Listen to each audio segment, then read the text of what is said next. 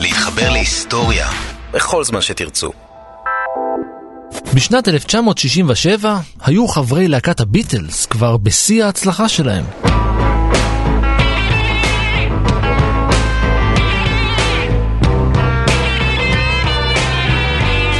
זה לא אומר שלא היו להם עוד שיאים נוספים לאחר מכן, אבל 67 הייתה השנה שלהם.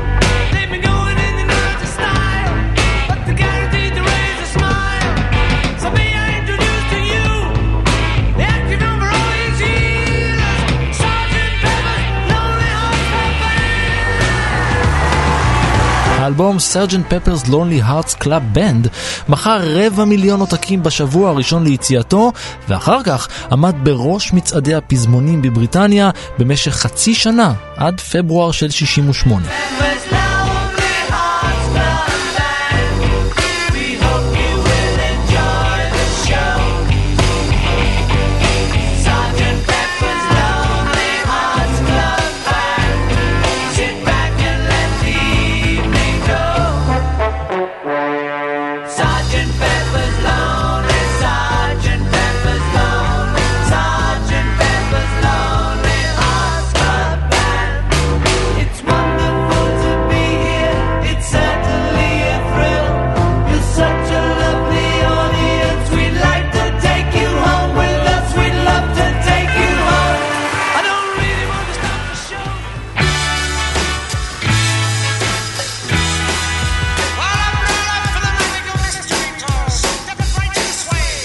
הסרט Magical Mystery Tour קיבל ביקורות שליליות, האוהדים עפו עליו, והביטלס מצאו הזדמנות מדהימה להיעלם להודו.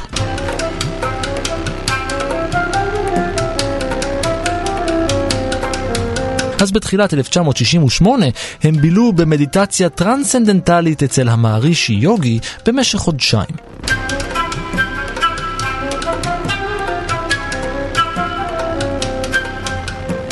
ובזמן הזה, כמו עובדים חרוצים בעסק שהוא הלהקה שלהם, הם כתבו שירים חדשים תוך כדי.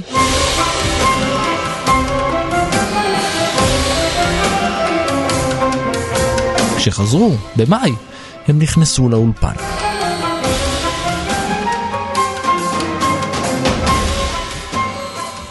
ב-1968 הייתה שנה פוריה עבור הביטלס.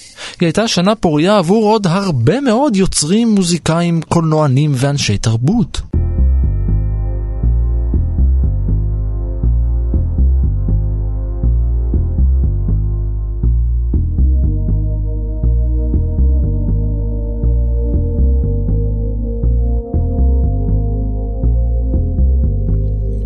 היי, אני רן מנהר ואתם על מנהר הזמן.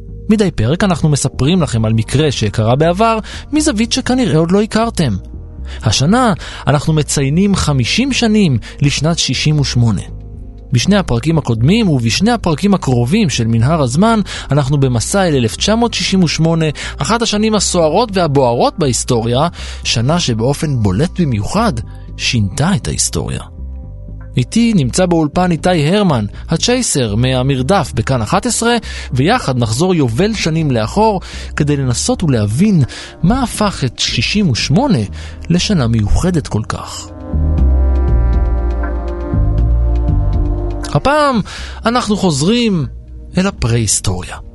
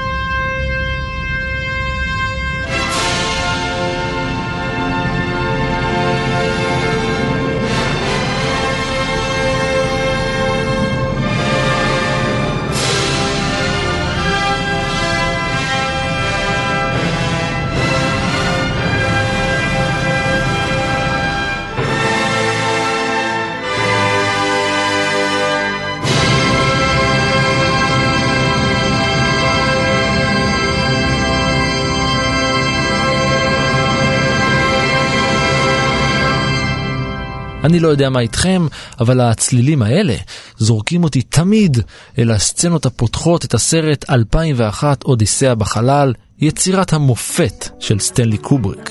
אתה יודע, סצנת הפתיחה של הסרט היא נקראת The Dawn of Man, שחר האדם. זה בהתחלה נראה כמו סרט טבע על אה, סרנגטי באפריקה.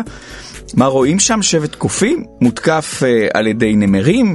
ואחר כך שבט אה, קופים אחר תוקף אותם והם בורחים למחסה במערה, הם שוהים שם בלילה וכשהם קמים בבוקר הם מגלים מונוליט. מה זה מונוליט? זה גוש אבן שחור והצופים אה, נרמז להם והם יכולים להבין שהמונוליט הזה הגיע מהחלל החיצון. הם, אה, אה, הם מתחילים למשש אותו בחשדנות, אה, ואנחנו מבינים שהם אה, מקבלים ממנו תובנות, כמו למשל איך לעשות כלי נשק מעצמות. ומיד אחרי זה שאנחנו רואים איך הם אה, מייצרים את כלי הנשק, אה, רואים אותם משתמשים בעצמות האלה כדי להרוג קוף מהשבט השני שתקף אותם, ו... הם מצליחים לנצח את השבט השני במלחמה. הסרט נחשב לאחד הסרטים החשובים, הגדולים והמשפיעים ביותר שנוצרו אי פעם. הוא אפילו נכנס לרשימת הסרטים לשימור היסטורי, רשימה של הספרייה המפוארת והחשובה בקונגרס האמריקאי.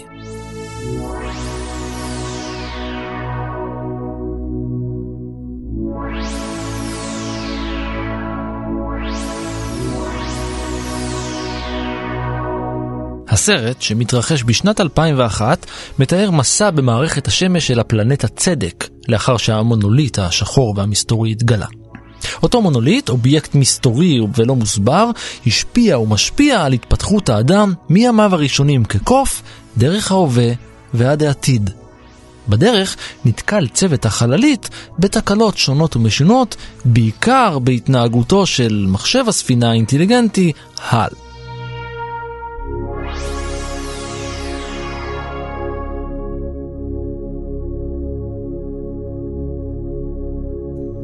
למרות שאפשר לחשוב שמדובר בסרט מדע בדיוני, הסרט עוסק בסוגיות עמוקות וקיומיות מאוד. בכל זאת, שנות ה-60.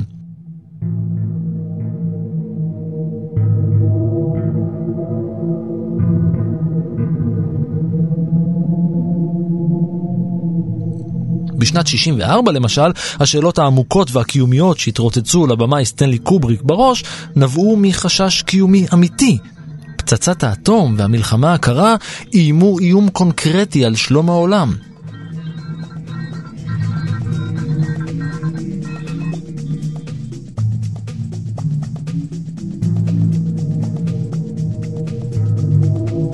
קובריק מצא דרך מופלאה לתרגם את החשש שלו. הוא גייס את השחקן הגאון פיטר סלרס וביים איתו את הסרט האלמותי דוקטור סטרנג'לאב, או ככה למדתי להפסיק לדאוג ולאהוב את הפצצה.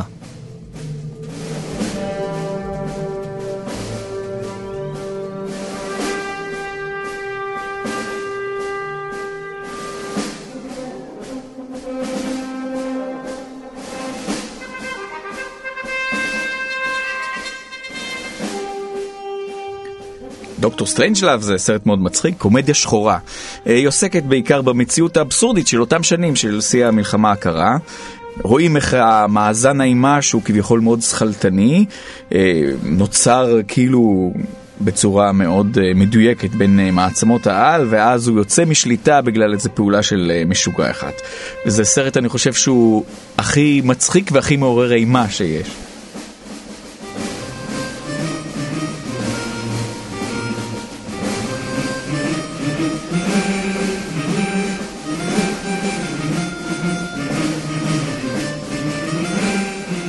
לאחר שהושלם הסרט, קובריק פנה למחשבות קיומיות אחרות.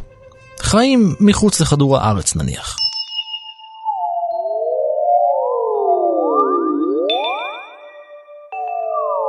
כיאה לבמאי קולנוע מוכשר, גם במקרה הזה המחשבות הללו תורגמו לעשייה קולנועית, והוא החליט לביים סרט מדע בדיוני.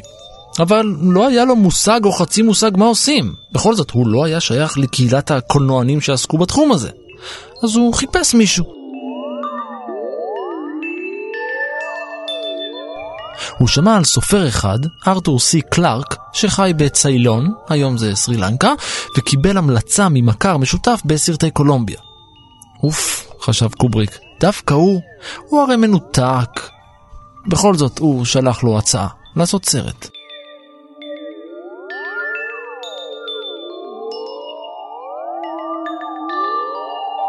קלארק עצמו חשב שקובריק מתנהג כמו ילד קטן ונרגן, אבל הוא עדיין היה מעוניין לעבוד איתו, כי קובריק היה... ובכן, קובריק. באמצע אפריל 64 נפגשו השניים בניו יורק.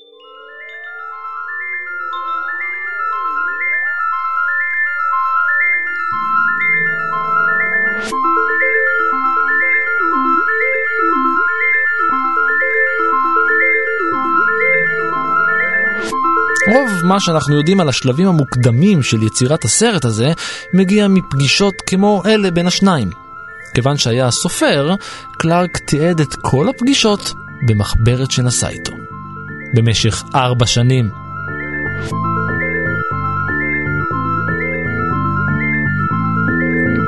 בפגישה הראשונה אמר קובריק שהוא מעוניין לעשות סרט על מערכת היחסים של בני האדם עם היקום.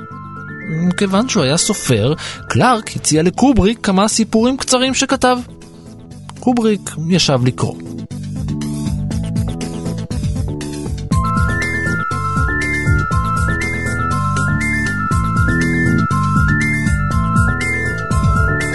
לא עבר חודש, וההכרעה נפלה. הזקיף, The Sentinel. הסיפור הזה יהיה הבסיס לסרט החדש שלהם.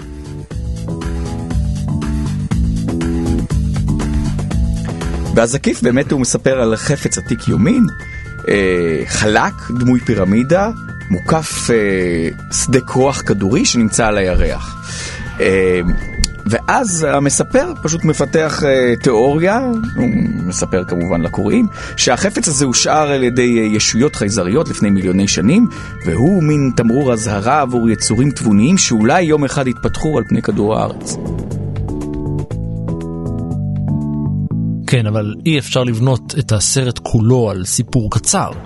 לכן השניים בילו יחד וחשבו איך אפשר לעבות את הנרטיב. הם זרקו רעיונות, ראו סרטים, קראו ספרים, ועד תחילת 1965 הפכו את הסיפור הקצר לנובלה. ואחרי שהפך לנובלה, הנובלה הפכה לתסריט. באפריל 65 קובריק קרא לתסריט בשם 2001 אודיסאה בחלל.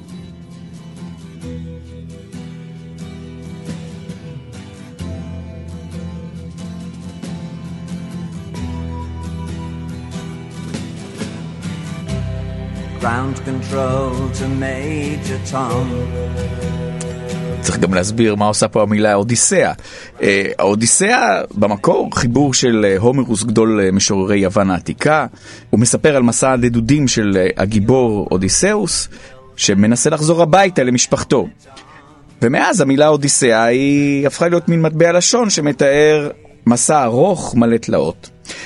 ובעצם זה מרמז לנו שבסרט, המסע הזה שעוברים הגיבורים בחללית הוא בעצם איזה מין שיבה הביתה, כנראה לישויות התבוניות החייזריות האלה.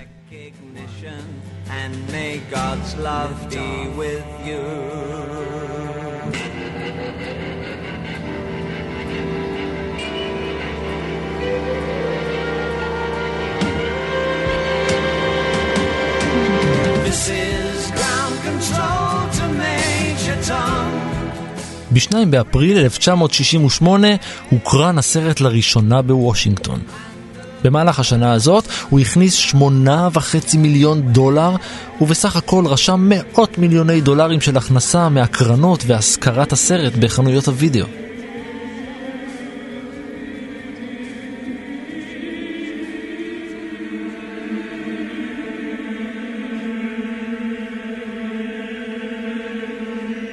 סרטי מדע בדיוני עד לאודיסאה בחלל 2001 זה סרטים אה, קצת יותר נחותים וההפקה של אודיסאה בחלל בעצם מביאה את המדע הבדיוני בתור סוג של סרטים שבאמת מהשורה הראשונה ואחר כך וכל הסרטים שנעשו אחר כך מלחמת הכוכבים זה כבר אה, אנחנו מדברים על הסרטים המונומנטליים הגדולים ההפקות הענקיות. זה מן הסתם חלק מההשפעה. כאילו זה מצד אחד הטכנולוגיה ומה עושה הטכנולוגיה, אני חושב שזה מסר נורא, נורא יוצא בגלל כל הסיפור הזה של הל, שהרובוטים השתלטו, לא השתלטו, אבל עוד דבר אה, שאולי אה, לא כולם קולטים זה הדבר הזה שבעצם טבע האדם זה המלחמה, וזה מתחיל מהמלחמה הזאת בין הקופים, וזה אחר כך מגיע גם לעתיד, אה, רואים. גם היום אנחנו נלחמים, גם בעתיד אנחנו נלחם, זו, זה טבע האדם.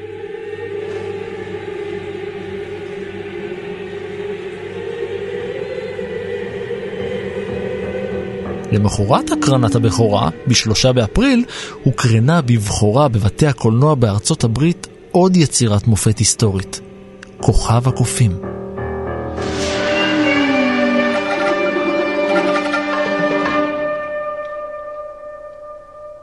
ב-1963 יצא לאור ספרו של פייר בולה, La Planète des singes, כוכב הקופים. עוד לפני שראה אור, נקנו הזכויות של הספר על ידי ארתור ג'ייקובס.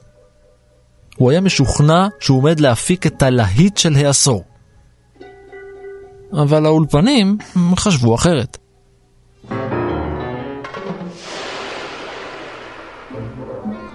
הוא עבר מסטודיו אחד לשני, מכל אחד שמע מילה אחת. לא. כדי לשמוע כן, הוא היה צריך לעשות מעשה, אז הוא שם את הרעיון בצד.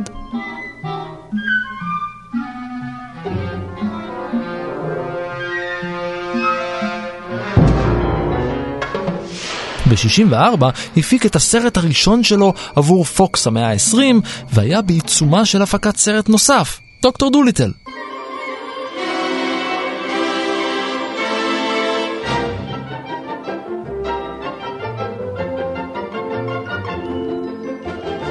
ג'ייקובס הפך למפיק בתעשייה.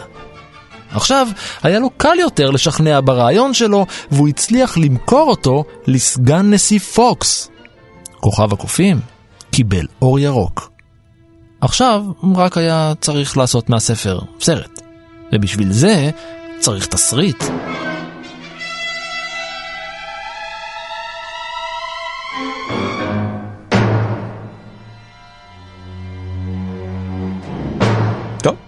אז תסריט אה, בסוף נהיה. אה, זה סרט של מדע בדיוני שמתרחש בעתיד בשנת אה, 3978 אה, על אסטרונאוטים שנוחתים על כוכב מוזר שבו בני אדם מוחזקים במכלאות והקופים הם היצורים התבוניים ששולטים בכוכב הזה ושולטים בבני האדם. והאסטרונאוט, גיבור הסרט, הוא מוחזק בכלא של הקופים והוא מצליח לברוח משם לשטחים החופשיים. בסצנת הסיום יש טוויסט בלתי נשכח שהופך את הסצנה, סצנת הסיום לאחת הקלאסיקות הגדולות. האסטרונאוט הזה מוצא את פלג גופו העליון של פסל החירות, שהוא הרוס וככה אנחנו וגם הוא מבינים שהחללית שלו בעצם התרסקה על כדור הארץ אחרי שהאנושות השמידה את עצמה. הטוויסט הזה בסיום, עם פסל החירות, הפך לאחד מרגעי הקלאסיקה בקולנוע.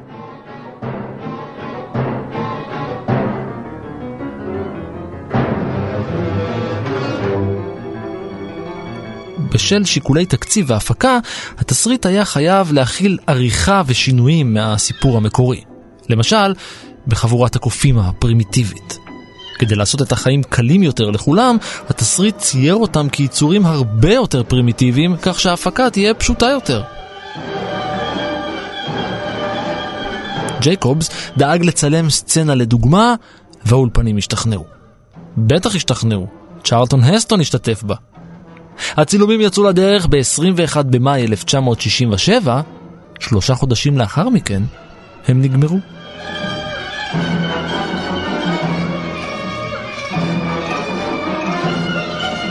אחרי שמונה חודשים, בתחילת אפריל 68, שוחרר הסרט לאקרנים. הביקורות היו נלהבות מהרגע הראשון. תשמע, זה נחשב אחד הסרטים הקלאסיים ואחד הטובים שיצאו באותה שנה, במיוחד לאור הסיפור שהוא מספר. המסר הביקורתי והמזעזע והחריף בסוף הסרט מצליח להיות אפקטיבי מבלי לפגוע בעלילה, במתח ובסצנות הפעולה שהיו בסרט. אחרי הסרט הופקו עוד ארבעה סרטים בסדרה, האחרון שבהם הוקרן ב-73. שלא לדבר על הרימייק של טים ברטון משנת 2001 וסדרה חדשה של סרטי כוכב הקופים שנעשתה בעשור האחרון. חודש אפריל עוד לא נגמר, והנה עוד בכורה. הפעם על בימות ברודוויי.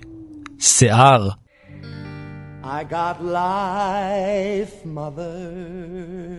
I got laugh, sister. I got freedom, brother. I got good times, man. ב-29 באפריל עלה לראשונה המחזמר פורץ הדרך. I got million dollar charm, cousin. I got headaches and toothaches and bad times too, like you. רוצה לשמוע על העלילה? I got my hair, I got my head, I got my brains, I got my ears, I got my eyes, I got my nose, I got my mouth, I got my teeth. אין ממש במחזמר הזה עלילה. יש חבורה של היפים, הם פעילים נגד המלחמה בווייטנאם.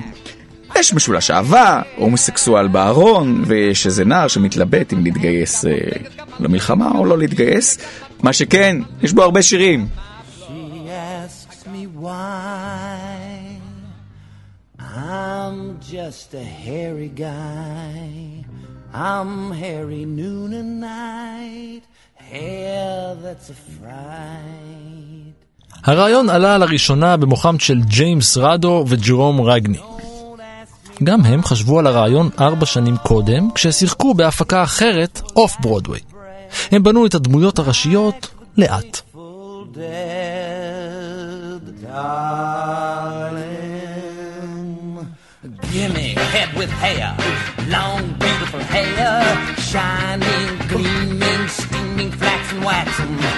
בשנת 66, בזמן שהשניים עוד משכתבים ומפתחים את המחזה שלהם, כותבים את השירים ומשפצים את הלחנים, רגני משתתף בהפקה אחרת, על בחור צעיר שנשלח למלחמה בווייטנאם. נשמע מוכר? השניים הציעו את המחזמר החדשני שלהם למפיקים בברודוויי, אבל במקום התלהבות, הם קיבלו רצף אחד ארוך של סירובים. עד שהגיעו לג'ו פאפ, מפיק פסטיבל שייקספיר בניו יורק. הוא שמע את הרעיון, קרא את המחזה, והחליט שהוא יפתח איתו את התיאטרון הציבורי החדש באיסט וילג'. זה היה המחזה הלא שייקספירי הראשון שפאפ העלה. באוקטובר 67 עלתה באוף ברודוויי ההצגה המוזיקלית במהדורה מוגבלת למשך שישה שבועות. You know, kids, I every dad would make a speech to their teenagers and say, kids, be free, be whatever you are, do whatever you want to do, just so long as you don't hurt anybody. And remember, kids, I am your friend.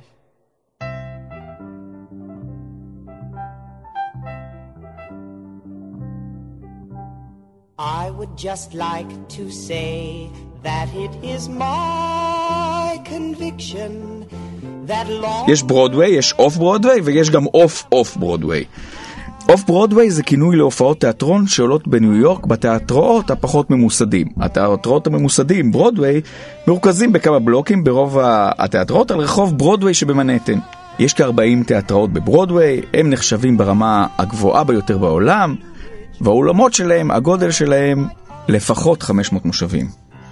גם אוף ברודוויי עבר עם הזמן סוג של התמסדות יחסית, אבל נשאר באולמות הקטנים שלו עד 500 מושבים. מכירים, אה, אני חושב שהרבה ישראלים מכירים אה, הופעות אוף ברודוויי, Blue Man Group, אה, חנות קטנה ומטריפה, Avenue Q, זה אוף ברודוויי. אבל אז באמת היה צריך מושג חדש של אוף אוף ברודוויי, שמתאר את המחזות הכי פחות ממוסדים, אה, שמוצגים באולמות הכי קטנים בעיר, עד 100 מושבים. זאת החלוקה. That is the way things are in most species. רגני שיחק את ברגר. כדי למשוך קהל, באותה שנה גם יצא אל החנויות תקליט עם שירי המחזה ופורסמו מודעות בעיתונים. והמודעות עשו את שלהן, כי מייקל באטלר, איש עסקים משיקגו שהתמודד על מקום בסנאט האמריקאי, נתקל בפרסום שכזה. הוא היה בטוח שההצגה תהיה על אינדיאנים משום מה, והגיע לתיאטרון הציבורי. משהו זז בתוכו. הוא הגיע שוב ושוב, צפה בהצגה כמה וכמה פעמים, ואז הרים את הכפפה. יחד עם פאפ הם הרימו את המחזמר מחדש על בימת מועדון הצ'יטה, מועדון לילה. שם הופקו 45 הצגות בלבד עד ינואר 68.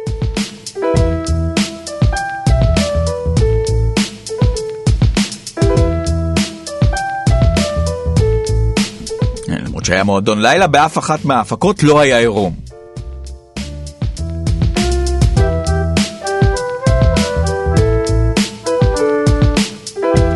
ואז המחזמר נכנס לשיפוצים.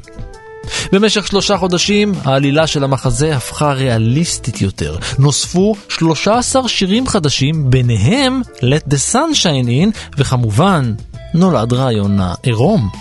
הרעיון נולד בעקבות הפגנה בסנטרל פארק נגד המלחמה. שני גברים התפשטו לחלוטין במחאה כאקט של חופש. יוצרי שיער החליטו לשלב את זה במחזה. רום על הבמה לא היה דבר חדש, אבל, אבל אה, יחד עם המסרים של המחזה, ששיקפו בזמן אמיתי את רוח התקופה כולה, זה היה יוצא דופן.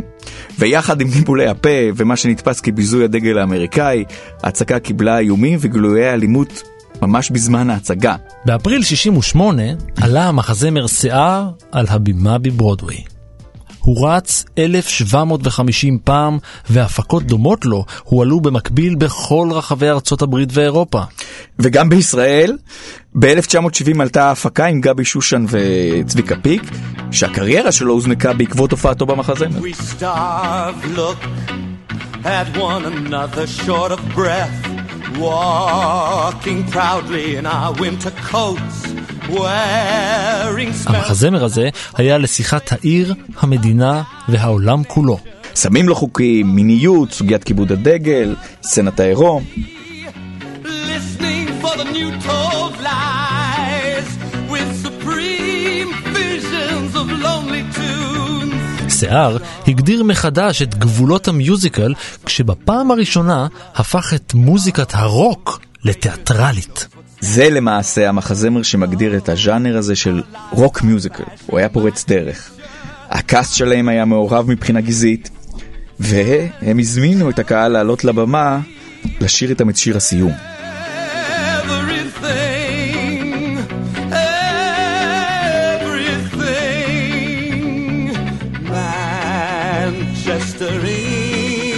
והשאר, היסטוריה.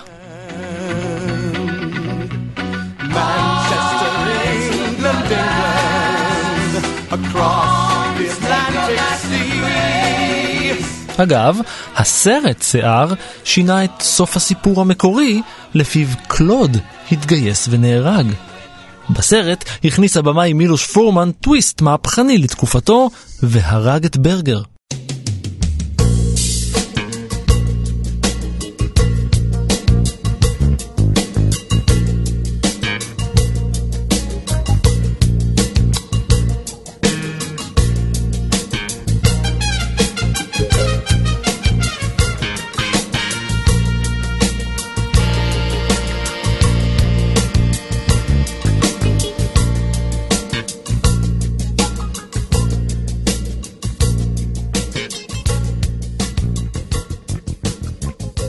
פחות מחודש לאחר שיער, ב-2 במאי, החלו שידורי הטלוויזיה הכללית של רשות השידור הישראלית.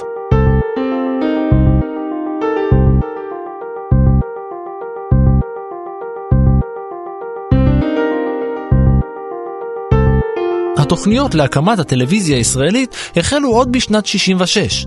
על פי התכנון המקורי, הטלוויזיה הייתה אמורה להתחיל לשדר בשנות ה-70, אולם מלחמת ששת הימים קיצרה את הזמנים. אה, סברו שבאמצעות שידור טלוויזיה אפשר אה, לשפר את ההסברה הישראלית למדינות ערב ולתושבי השטחים. השידור הראשון של הטלוויזיה היה מצעד צה"ל שנערך בירושלים.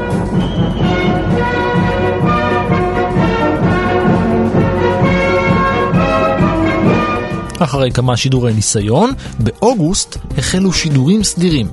בהתחלה, שלוש פעמים בשבוע. ואז ארבע. וב-20 באוגוסט עלה על המרקע לראשונה חיים יבין, ומהדורת מבט לחדשות שודרה.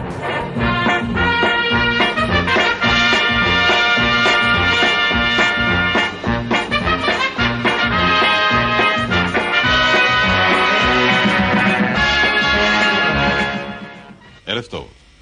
ממשלת אלג'יריה התכנסה היום... כדי- ב-1969 מחליטה מליאת רשות השידור לעבור מארבעה ימי שידור בשבוע לשבעה ימים, שזה אומר שמשדרים גם בשבת. אז הדתיים לא הסכימו כמובן, ובעיתוי מושלם היו גם בחירות באותה תקופה. ראש הממשלה, גולדה מאיר, החליטה להיענות לתביעה של הדתיים ולהקפיא את התוכנית לעבור לשידורים בשבת. מיד לאחר מכן פנו שני עורכי דין לבג"ץ, הוא הוציא צו על תנאי ואפשר את השידורים, ומאז יש בישראל טלוויזיה בשבת.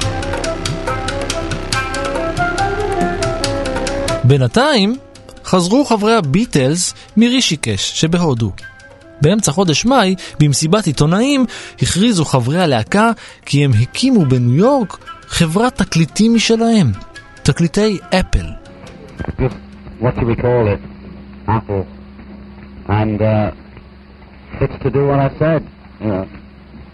Only to do it in a business-like way, but business don't really think about it, you know. שבועיים לאחר מכן הם נכנסו לאולפן ההקלטות.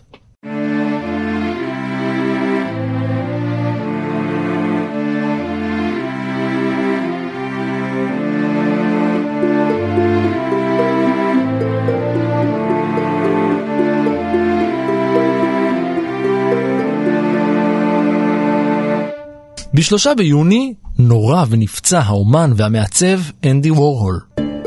הניסיון לרצוח אותו נולד במוחה של ולרי סולנס, והוא נבע ממקומות אפלים הרבה יותר.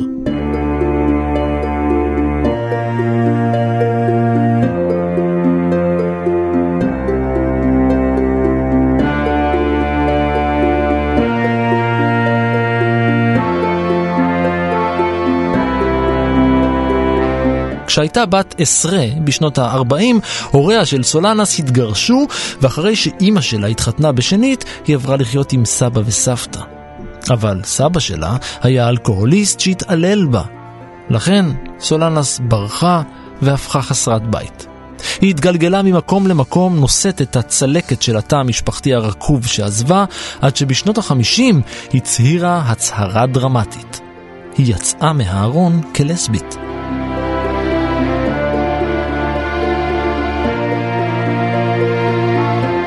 היא פרסמה מניפסט שנקרא סקאם, ובו קראה לנשים להפיל את הממשל, לבטל את המערכת הכלכלית המבוססת על כסף, למסד אוטומציה כללית, מלאה, ולחסל את המין הגברי. פמיניסטית, אקטיביסטית, כותבת.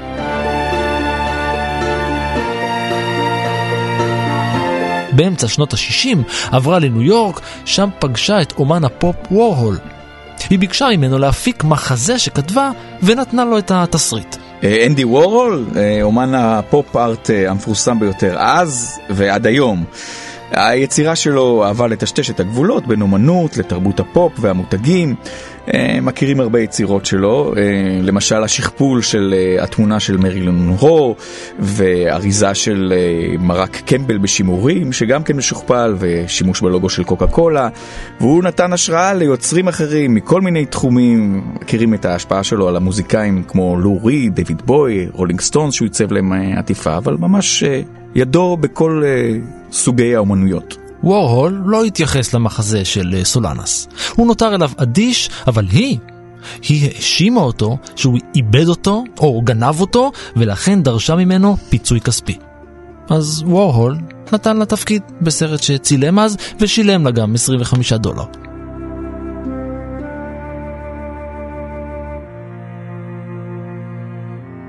ב-67 סולנס הפיצה את המניפסט הפמיניסטי שלה באופן עצמאי, וזה היה רק טבעי שהיא תקבל פנייה מהוצאה לאור. מוריס ז'ירודיה, בעל חברת דפוס אולימפיה, הציע לה חוזה. אבל סולנס הייתה אישה רדופה.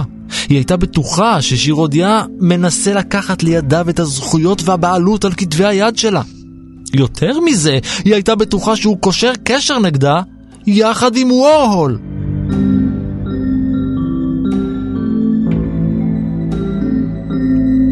אז בתחילת 68 היא קנתה לעצמה אקדח. חצי שנה היא חיכתה, ובשלושה ביוני צעדה אל הסטודיו של וורהול במידטאון ניו יורק. היא ירתה בו שלוש פעמים.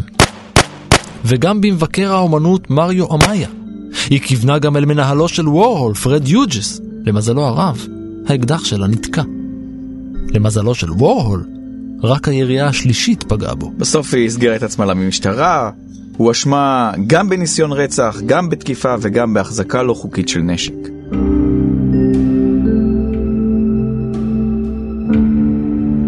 סולנס אובחנה כסכיזופרנית פרנואידית. היא עמדה למשפט, הודתה, ונשלחה לשלוש שנות מאסר וטיפול במוסד פסיכיאטרי. היא הלכה לעולמה בגיל 52 בשנת 88, שנה וחודשיים לאחר מותו של וורהול.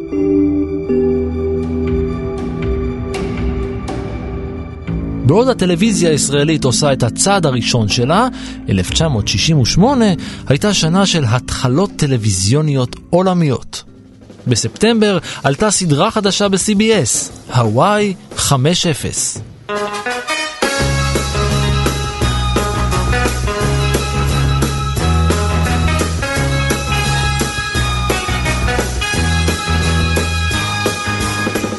אך איזה סדרה, דרמה משטרתית, קלאסית, והיא מתרחשת ומצולמת בהוואי.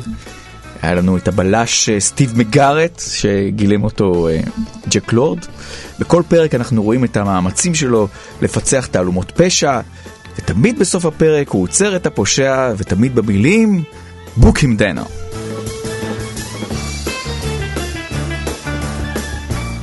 אה, אבל מה שהכי זוכרים מהסדרה הזאת זה כמובן את מנגינת הפתיחה האייקונית, יש לומר. אגב, הוואי 5-0 זה בגלל שהוואי היא המדינה החמישים של ארצות הברית. זו הייתה סדרת המשטרה הארוכה ביותר בהיסטוריה של הטלוויזיה עד שנת 2003. אז הגיע חוק וסדר.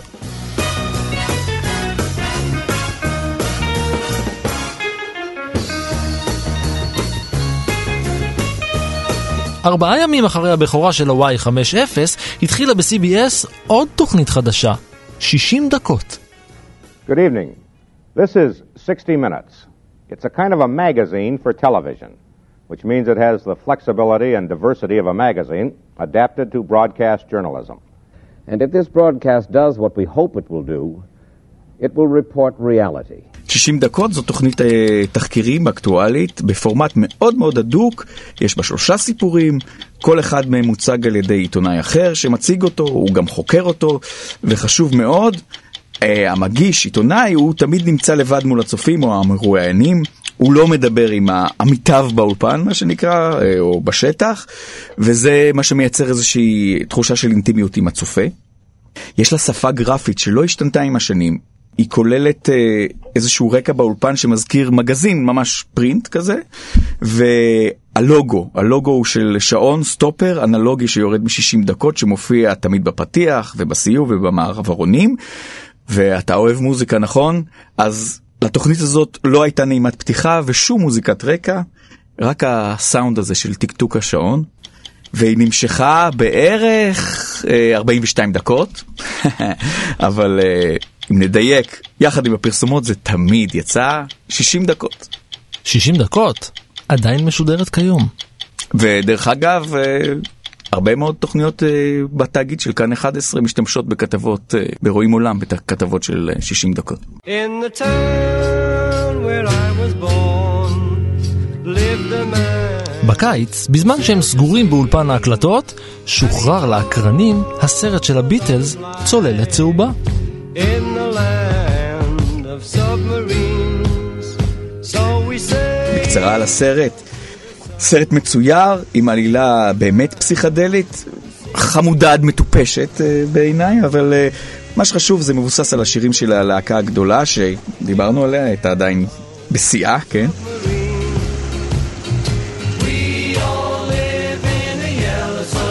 גיבורי הסרט הם אה, ג'ון, פול, ג'ורג' ורינגו, ארבעת חברי הביטלס, אבל זה לא היה באמת הם, זה רק איורים שלהם, והם אפילו לא דיבבו את עצמם. לקחו במקומם מדובבים, חקיינים, מקצועי. ממש רק בסוף הסרט, חברי הלהקה האמיתיים מופיעים בסצנה אחת כשהם מצולמים ושרים את שיר הסיום, All Together Now.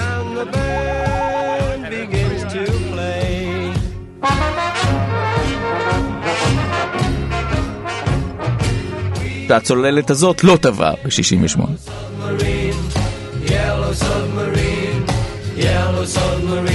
אלבום שהוא פסקול הסרט לא יצא לחנויות רק עד השנה הבאה, 1969.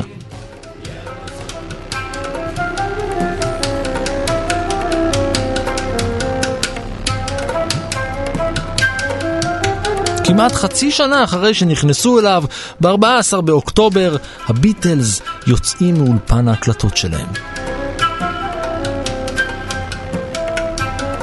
שבוע וחצי לאחר מכן, באוניברסיטת סורי שבאנגליה, עולה על הבמה להקה צעירה להופעת בכורה.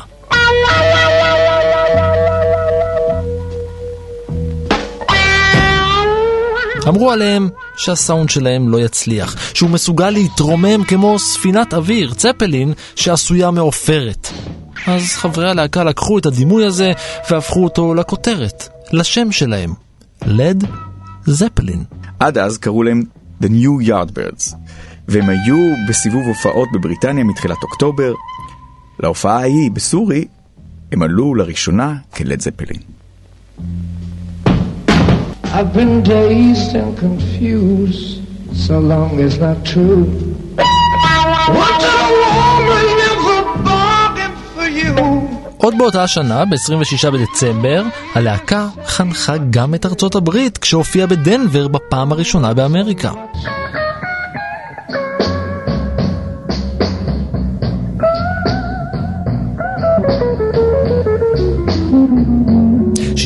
הייתה גם השנה בה נכנסו חברי הלהקה לאולפן והקליטו את החומרים איתם הופיעו.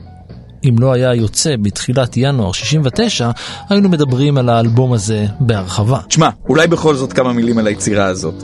נקודת מפנה משמעותית בהתפתחות הרוק הכבד.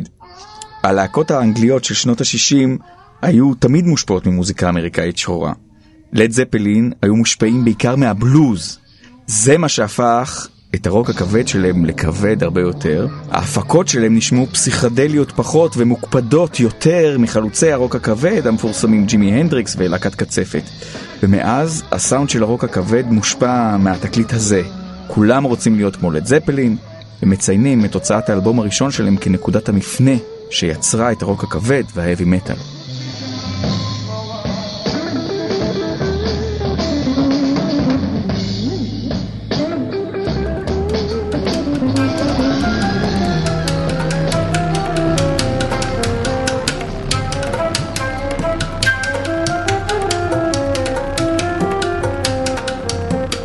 חודש חלף מאז יצאו הביטלס מהאולפן, וב-22 בנובמבר הופיע אלבום חדש על המדפים בחנויות התקליטים. הוא לא נשא שם, לא הייתה עליו תמונה, לא היה עליו דבר. הוא היה ריבוע לבן. אם הייתם מתאמצים, יכולתם לראות עליו הבלטה של כמה אותיות.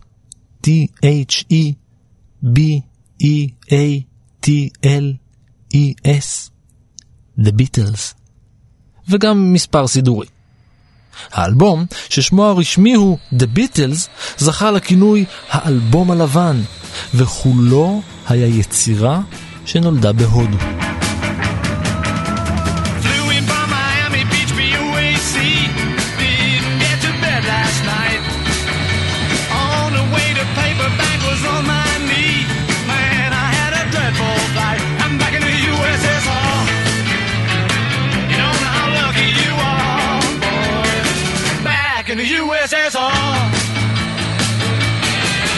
זה היה אלבום כפול, שני תקליטים, ארבעה צדדים.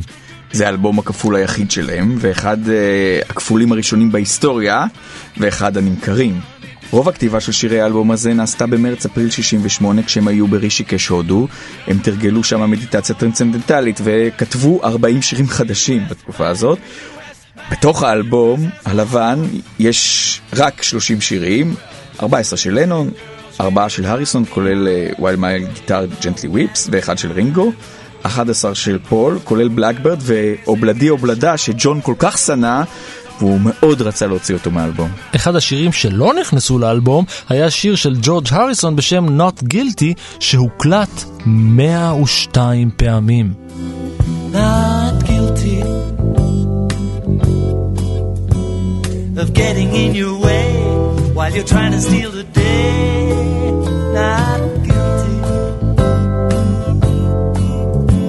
בשנת 2015 נמכר העותק הראשון של האלבום, עותק שהיה שייך לרינגו סטאר עם המספר הסידורי 000001 תמורת 790 אלף דולר.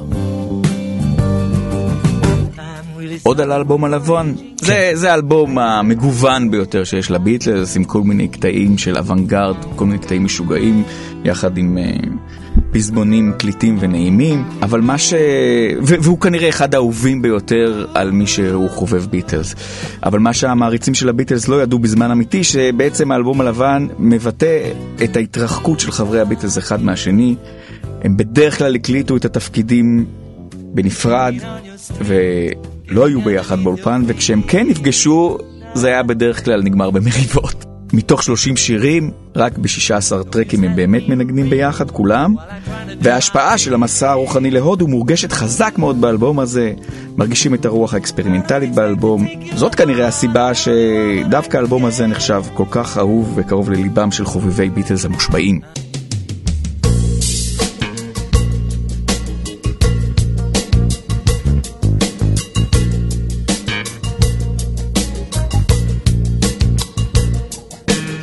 בפרק הבא של מנהר הזמן נחזור על כמה מנקודות הדרך המשמעותיות בעולם הטכנולוגיה של שנת 68.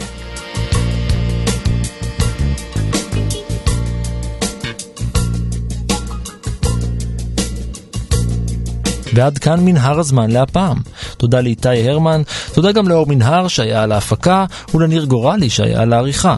סיפורים אחרים מההיסטוריה ופרקים נוספים של מנהר הזמן שלא קשורים לשנת 68, אתם יכולים למצוא ולהאזין באפליקציה כאן אודי, באתר שלנו או בכל אפליקציית הסכתים. אתם מוזמנים כרגיל לעקוב אחריי ברשתות החברתיות, בפייסבוק ובטוויטר, להגיב, להציע רעיונות ובעיקר להתחבר.